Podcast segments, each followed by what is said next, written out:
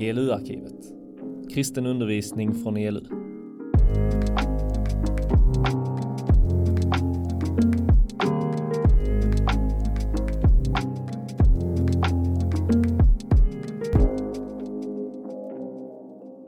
Ibland tror jag så här, när man läser Bibeln, att det känns så här ungefär.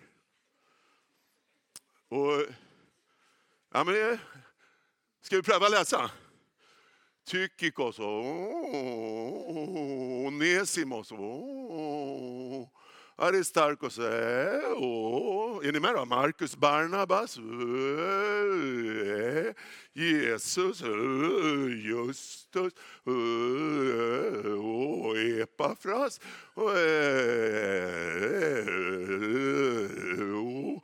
Och, eh, Lukas, eh, och eh, Demas, och Nymfas och, och, och, och Archippos. Ja, men så kan det vara. Det kan ju vara på ett läge när man är trött. Va? Man liksom går i sömnläget där, eller i någon slags halvdvala. Men det är också så här att om Gud inte öppnar Bibeln för mig så förstår jag inte så mycket mer än det här. Jag kanske tror att jag förstår det. Och det här är så fascinerande alltså att Paulus bevisade för andra vänner, andra judar, att Messias var Kristus. Och det gjorde han utifrån skrifterna. Och i Korintierbrevet står det om den här, alltså, det finns någonting som, är, som kan bara göra, vi, vi ser inte vad vi läser. Och i Romarbrevet står det att de som då är judar, då, de har liksom fått det här täckelset, de judar som inte ser att Jesus är Messias. Men det står också att i, i, i slutet så ska hela Israel blir räddat. Så att det kan ju verka så här som att jag liksom är skojsig och tar upp den här texten, men det är faktiskt en väldig respekt för bibelordet. Och när jag fick den här texten tilldelad så tänkte jag så här, jag ska bara tala i en kvart, ni behöver inte vara oroliga. Eh, men då tänkte jag så här, hur ska jag kunna få fram något ur det här? Och sen när jag fått sitta med den här så känner jag, hur ska jag kunna hinna säga det här på en kvart? Så jag får göra någon slags kort resumé. Om vi tittar lite närmare här på texten. Ska vi se, där. Jag tror, ja men nu var det kommit fram där. Bra. Jag tror jag gör det där tecknet i fortsättningen, det går mycket snabbare. Uh, här har vi texten. Och det som först slog mig, det är att om du skulle skriva ett brev, hade inte du börjat lite med att berätta om hur du hade det? Att berätta om dig själv och berätta om den miljö du är i och så vidare. Och sen så kanske du hade berättat någonting mer om några händelser och så kanske du hade, ja, om du vore väldigt from, kanske du hade skrivit något, ja men jag är så tacksam till Gud för det här hände ju i förrgår. Liksom. Och igår när jag hade andakt så läste jag om det här. Alltså det här som Jakob talade om från eh, första förmiddagsmötet som var Kolosserbrevet Ehm, kapitel 1, vers 15 till 18. Det tror man ju är en hymn som liksom var bekant för läsarna. Så Paulus han citerar den här hymnen, det är det här att allt har blivit skapat genom honom och till honom. Och så. Ehm, ja, men så hade väl ett brev sett ut. Men Paulus, han är så liksom, det är så viktigt för honom. Så hela det långa brevet som vi har läst hittills har ju handlat om att visa vem Jesus är. Men sen är det som så att det finns personer inblandade. Och han vill ge personliga hälsningar. Och min önskan är att det här ska beröra dig och mig. Att, ja men här beskriver han Tykikos, en kär broder och trogen medarbetare. Och ser ni det att hans uppdrag, det är att berätta om Paulus. Paulus berättar om Kristus, berättar om hemligheten, berättar om att Gud, Kristus är upphöjd över allt och alla. Och så får Tykikos och också Onesimos ska berätta om allting här. Det är stort. Tänk vad härligt. Men de, de undrar vad de hade för kläder på sig. De. Undrar vilken frisyr de hade. Undrar om de hade skägg eller inte skägg. Alltså det här är, jag var ju i Tokyo nyss. Där var det ju supermycket människor när vi gick över en gata. Och då är det så lätt att tänka att liksom, det är inte individer. Men det är ju individer. I Tokyo, det är individer här på Strandhem. Och Paulus vill hälsa, och ni ser vad många han hälsar till. Jag tänkte bara stanna upp vid två stycken. Den ena är lite så rolig tycker jag. Alltså, det, det, det står lite där i mitten. Jesus, han som kallas Justus. Det är inte så konstigt att det är just han som får ett smeknamn. Va? För liksom om så här, nu sjunger vi liksom en lovsång där och så blir det kanske lite bättre att kallas Justus i det läget än Jesus. Eh, men så var det nog inte, för att det, var nog, det var ganska många som hette Jesus på det. Det, det, alltså det är inte ett helt ovanligt namn. Men det är festligt tycker jag att det är bara han som får sitt smeknamn. Så han, han kallade sig själv för Justus och så prisade han Jesus precis som vi gör.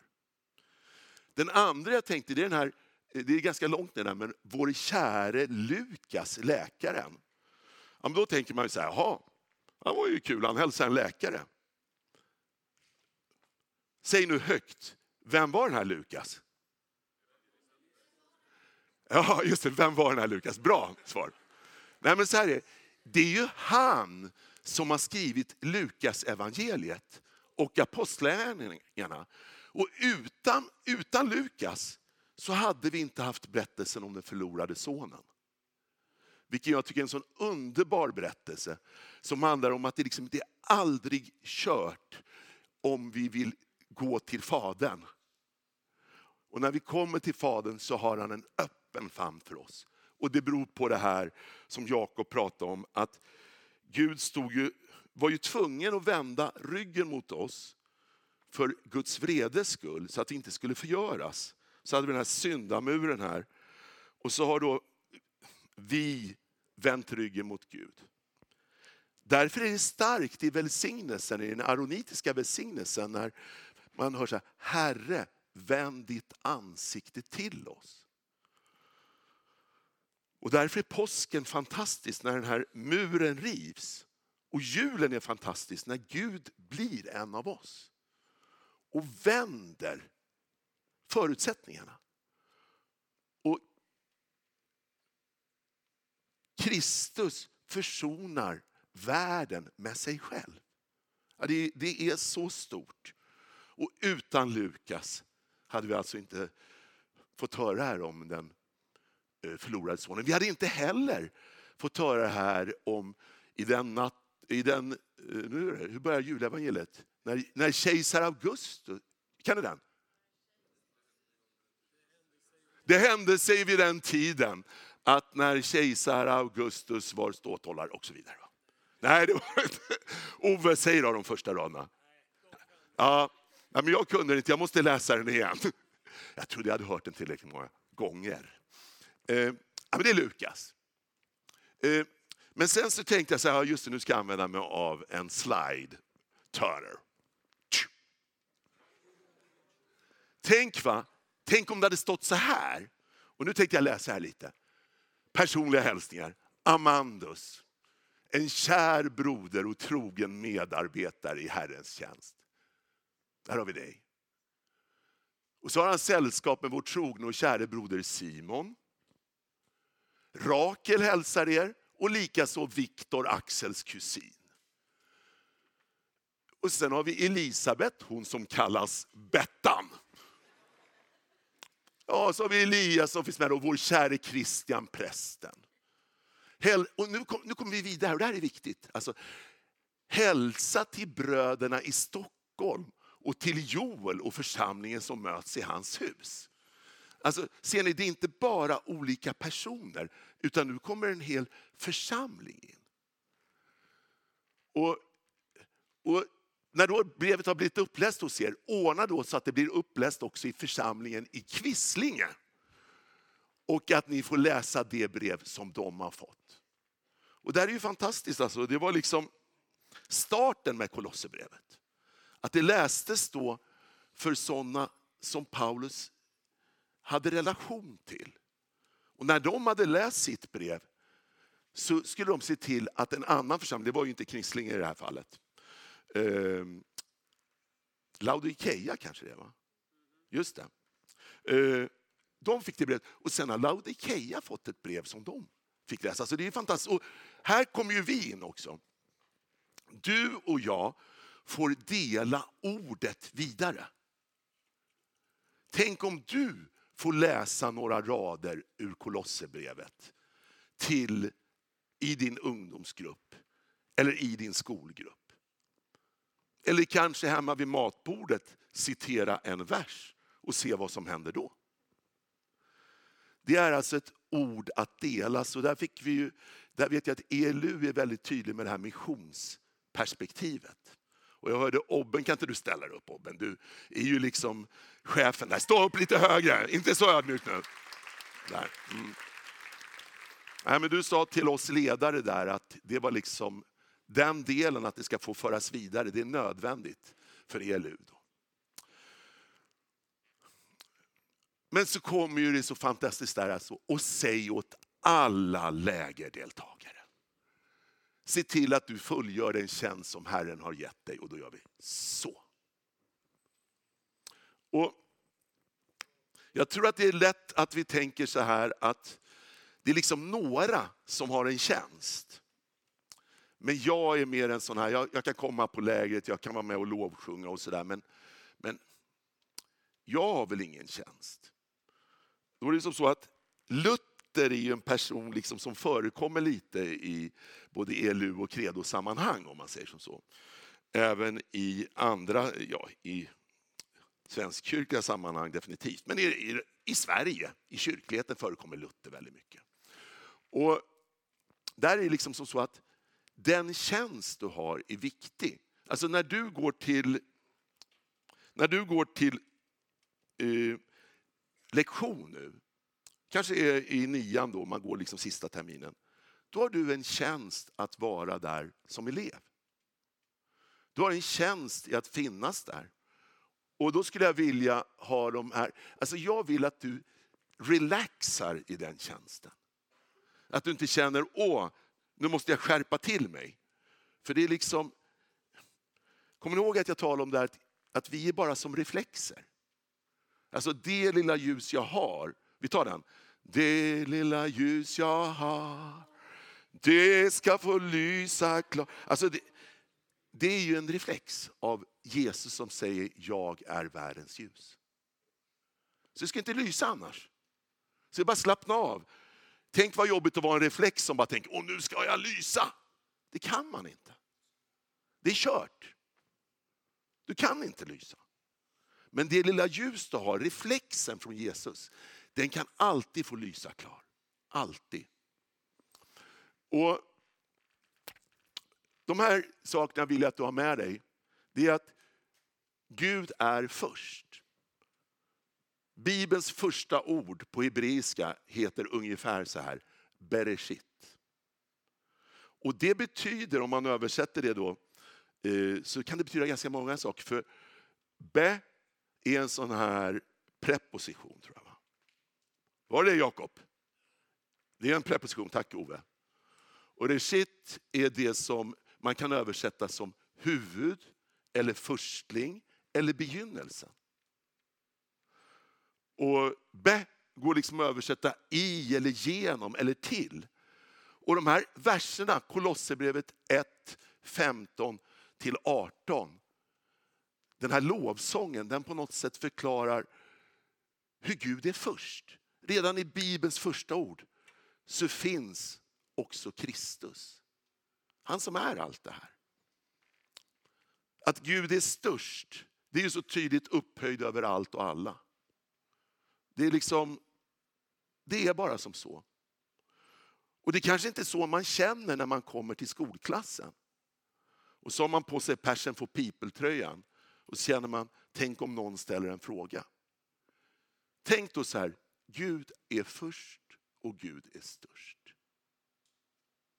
Så är det. Sen vill Gud släcka din törst. Ibland kan man liksom, nu åker vi hem från lägret och man kan känna så här, Och jag vill leva vidare på det här, de här mötena och de här mötena, de personliga mötena och sången och allting. Gud vill finnas och släcka din törst. Och, och det är ju bland annat genom när du öppnar bibelordet. I Credos ungdomsutbildning gör vi ganska mycket som så att vi kan läsa en saltarsalm tillsammans. Och sen kan vi bara sitta och prata om, men vad gav den här texten mig? Och då är det liksom inte ett gäng teologer som har förberett sig, utan då är det bara ett gäng som sitter och läser en saltarsalm. Och så träffas man av ordet och så delar man med, ja, det här tycker jag var fint. Igår delade jag det här på aftonen, i frid vill jag lägga mig ned. Tänk att få lägga sig med frid. Tänk att få känna så här, det är gott ställt. Gud älskar mig. Och allt det här som blev tokigt idag, allt det här jag känner, varför gjorde jag det? Jag får överlämna det till Gud. Och då får Guds frid komma in.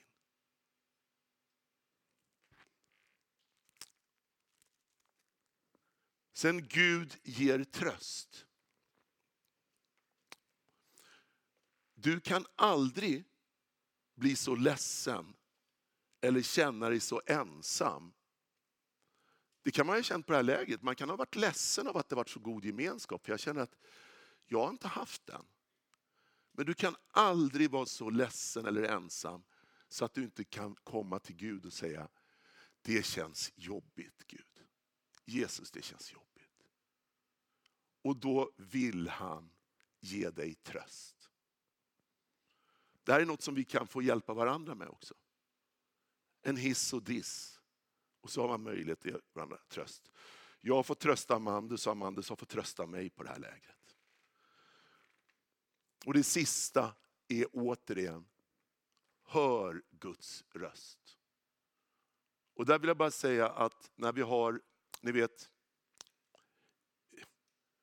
i början där då, jag tog första versen, så kommer liksom skapelseberättelsen. Och den har ju blivit ett problem för oss. För att eftersom den är ju skriven för att vi ska förstå att det är Gud som har gjort allting. Men sen som man då liksom jämför vetenskapliga forskningen och, skapelseberättelsen sådär, så, så den vetenskapliga forskning som är gällande idag har ju ungefär samma ordning och det kan vara väldigt häftigt att se det, om det är samma ordning.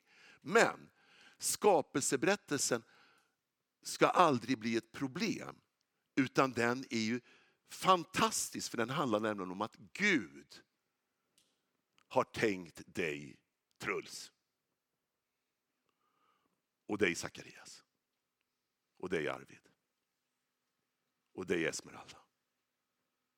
Och dig Linus. Ja men visst är det stort. Visst är det stort. Så att det är ju helt fantastiskt. När Gud skapar och Gud också ser att det är gott. Sen vet vi, hela den här berättelsen den har vi fått.